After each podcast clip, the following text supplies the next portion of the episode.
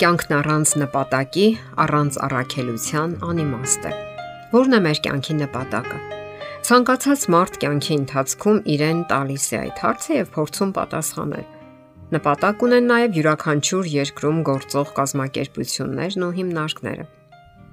Հիսուսը գիտեր իր նպատակը։ Նա գիտեր, թե ինչու է եկել աշխարհ եւ ով է ուղարկել իրեն։ Երբ Հիսուսը տեսավ ի ծնե կույրին, այսպես ասաց իր աշակերտներին.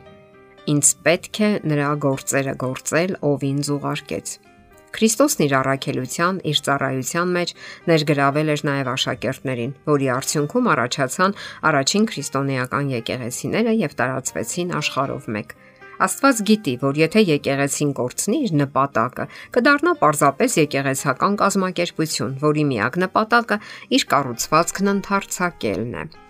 Հիսուսը նաև գիտի, որ երբ կյանքը կորցնում է իր նպատակը, մարդը մոլորվում է եսասիրության եւ անգործության ստվերում։ Հիսուսն Աստված է, ով մշտապես աշխատանքի ու ծառայության մեջ է։ Ամենաառաջին սուր գործը, որ նկարագրում է Աստվածաշունչը, արարչագործությունն է։ Աստված մարդուն նույնպես ստեղծել է ծառայության համար։ Մեր նախածնողների Ադամի ու Եվայի համար աշխատանքը դրախտում այնքան էլ ծանր չէր, ինչպես այսօր։ Այն, որ մարդը աշխատանքի պատճառով ձանձրանում է, հոգնում, սթրեսի մեջ է ընկնում, մեղքի հետևանք է։ Երբեք Աստծո կամքը չի եղել, որ մարդը անգործ մնա։ Երջանկությունը երբեք էլ անգործության կամ ծուլության հոմանիշը չի եղել ուրախություն եւ հաճույք մարդուն ապարգևում է ակտիվ, հաճելի եւ օգտակար գործունեությունը։ Նշանավոր դերասան Քրիստոֆեր Ռևեսը մրցման ժամանակ վայրընկավ ձիուց եւ լուրջ վնասվածքներ ստացավ։ Մի քանի օր նա գտնվում էր կյանքի ու մահվան սահմանագծին։ Իսկ մի քանի շաբաթ անց ամբողջ աշխարհը զարմացավ լսելով նրա հայտարարությունը, որ նա արտաբերեց օգտվելով շնչառության եւ տեղաշարժվելու սարքից։ Ես դեռ պետք է քայլեմ, Ես աշխատում եմ դրա վրա։ Այժմ վարժություններ եմ կատարում օրական 10 ժամ, որpիսի կարողանամ շնչել սովորել առանց ապարատի։ Ապա կսկսեմ աշխատել քայլելու ուղղությամբ։ Նա երկու ճանապարհ ուներ։ Կամ պետք է իրեն դատապարտված զգար ճակատագրի զոհ եւ սկսեր հայհոյել Աստծուն, պարփակվելով իր մեջ, կամ պետք է պայքարեր հանգամանքների դեմ, հասկանալով, որ կյանքը իմաստ ունի, որ ջանքերը արժեն նպատակին։ Այսօր շատ մարդիկ ապրում են հենց այնպես, առանց որևէ նպատակի։ Նրանք պարզապես գոյություն են քարշ տալիս։ Նրանք պետք է մի պահ կանգ առնեն եւ մտածեն, որն է իրենց կյանքի նպատակը, առաքելությունը։ Կատարում են արդյոք այն։ Եկեք հասկանանք, աշխարհի արարչագործության գագաթը մարդն է։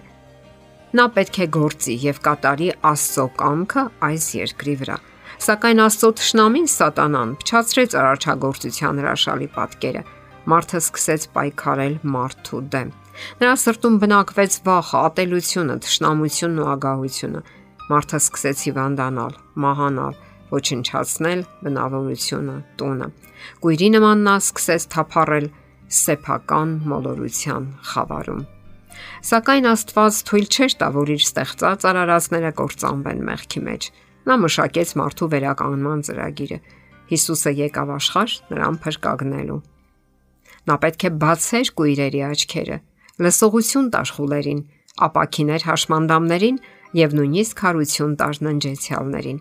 Հենց դրանում էր նրա առաքելությունը։ Նա ասում էր. Տիրոջ հոգին ինձ վրա է, որի համար էլ օծեց ինձ։ Նա ինձ ուղարկել է աղքատներին ավետարանելու, սրտով կոտրվածներին բժշկելու, գերիներին թողություն քարոզելու եւ կույրերին տեսողություն, խոցվածներին արցակելու, ազատելով, տիրոջ ընդունելու տարին քարոզելու։ Մենք երբեք չենք կարող կատարել մեր ծառայությունը, եթե չենք ճանաչում մեզ ուղարկողին։ Եթե մեր կրոնը անկյանք է ու ձևական, ուրեմն չենք ճանաչում նրան, ով հիմնադիրն է քրիստոնեության։ Եկեք ուրեմն սովորենք նրա ոտքերի մոտ, նրան նվիրաբերելով մեր կյանքը արտացոլելով նրա զարմանահրաշ սերը մեր կյանքում։ Պողոս Արաքյալը գրում է. Եթե մարդկանց ու հրեշտակների լեզվով խոսեմ, բայց սեր չունենամ, կնմանվեմ ձայն հանող պղնձի կամ հնչող ծնծղայի։ Հասկանալի է, որ քրիստոնեական կյանքը լի է խոչընդոտներով եւ խնդիրներով, եւ Հիսուսին հետևելը անznազողություն է պահանջում։ Հաճախ մեզ քննադատում են կամ դատապարտում, դավաճանում կամ հիասթափեցնում Մարդիկ կարող են եւ չհասկանալ մեզ եւ անգամ հետապնդել կամ նվաստացնել, սակայն մենք գիտենք թե ինչի համար ենք ապրում։ Քրիստոնյայի կյանքը իմաստավորվում է, եթե լավ է ճանաչում եւ հասկանում իրեն կյանք ապարգևողին։ Հիսուսն ասում է. Գիշերը գալիս է եւ այն ժամանակ ոչ ոք չի կարող գործել։ Սա նշանակում է, որ բոլորի կյանքում գալիս է գիշերային պահը, այլ կերպ ասած կյանքի մայրամուտը։ Չէ որ մեր կյանքը կարճ է։ Մի 90-ամյա ծերունի ընդունեց Հիսուսին ու մկրտվեց։ Ջրից դուրս գալով նա այսպես ասաց. Ինչու ես այսքան ուշացա։ Ես գիտեմ, որ Աստված սիրում է ինձ, որ ներել է, բայց ես այլևս ուշ չունեմ նրա համար որևէ բան անելու։ Մեր փրկությունը Հիսուսին ճանաչելու մեջ է։ Հակառակ դեպքում մենք հարատևում ենք խավարի եւ հուսահատության մեջ, եւ շատերն այսօր հենց այդպես էլ վարվում են։ Նրանք մերժում են Հիսուսի հավիտենական սերը։ Հիսուսն այսօր թակում է մեր սրտերի դուռը։ Ամեն պահի մենք հնարավորություն ունենք բացելու մեր սիրտը նրա առաջ։ Այսօր, քանի դեռ չի եկել խավարը եւ ցերեկ է, ընդունենք նրան, որովհետեւ կգա գիշերը եւ այդ դեպքում ոչ ոք չի կարող գործել։ Եթերում է ղողանջ հավերժության հաղորդաշարը։ Հարցերի եւ առաջարկությունների համար զանգահարել 033 87 87 87 հեռախոսահամարով։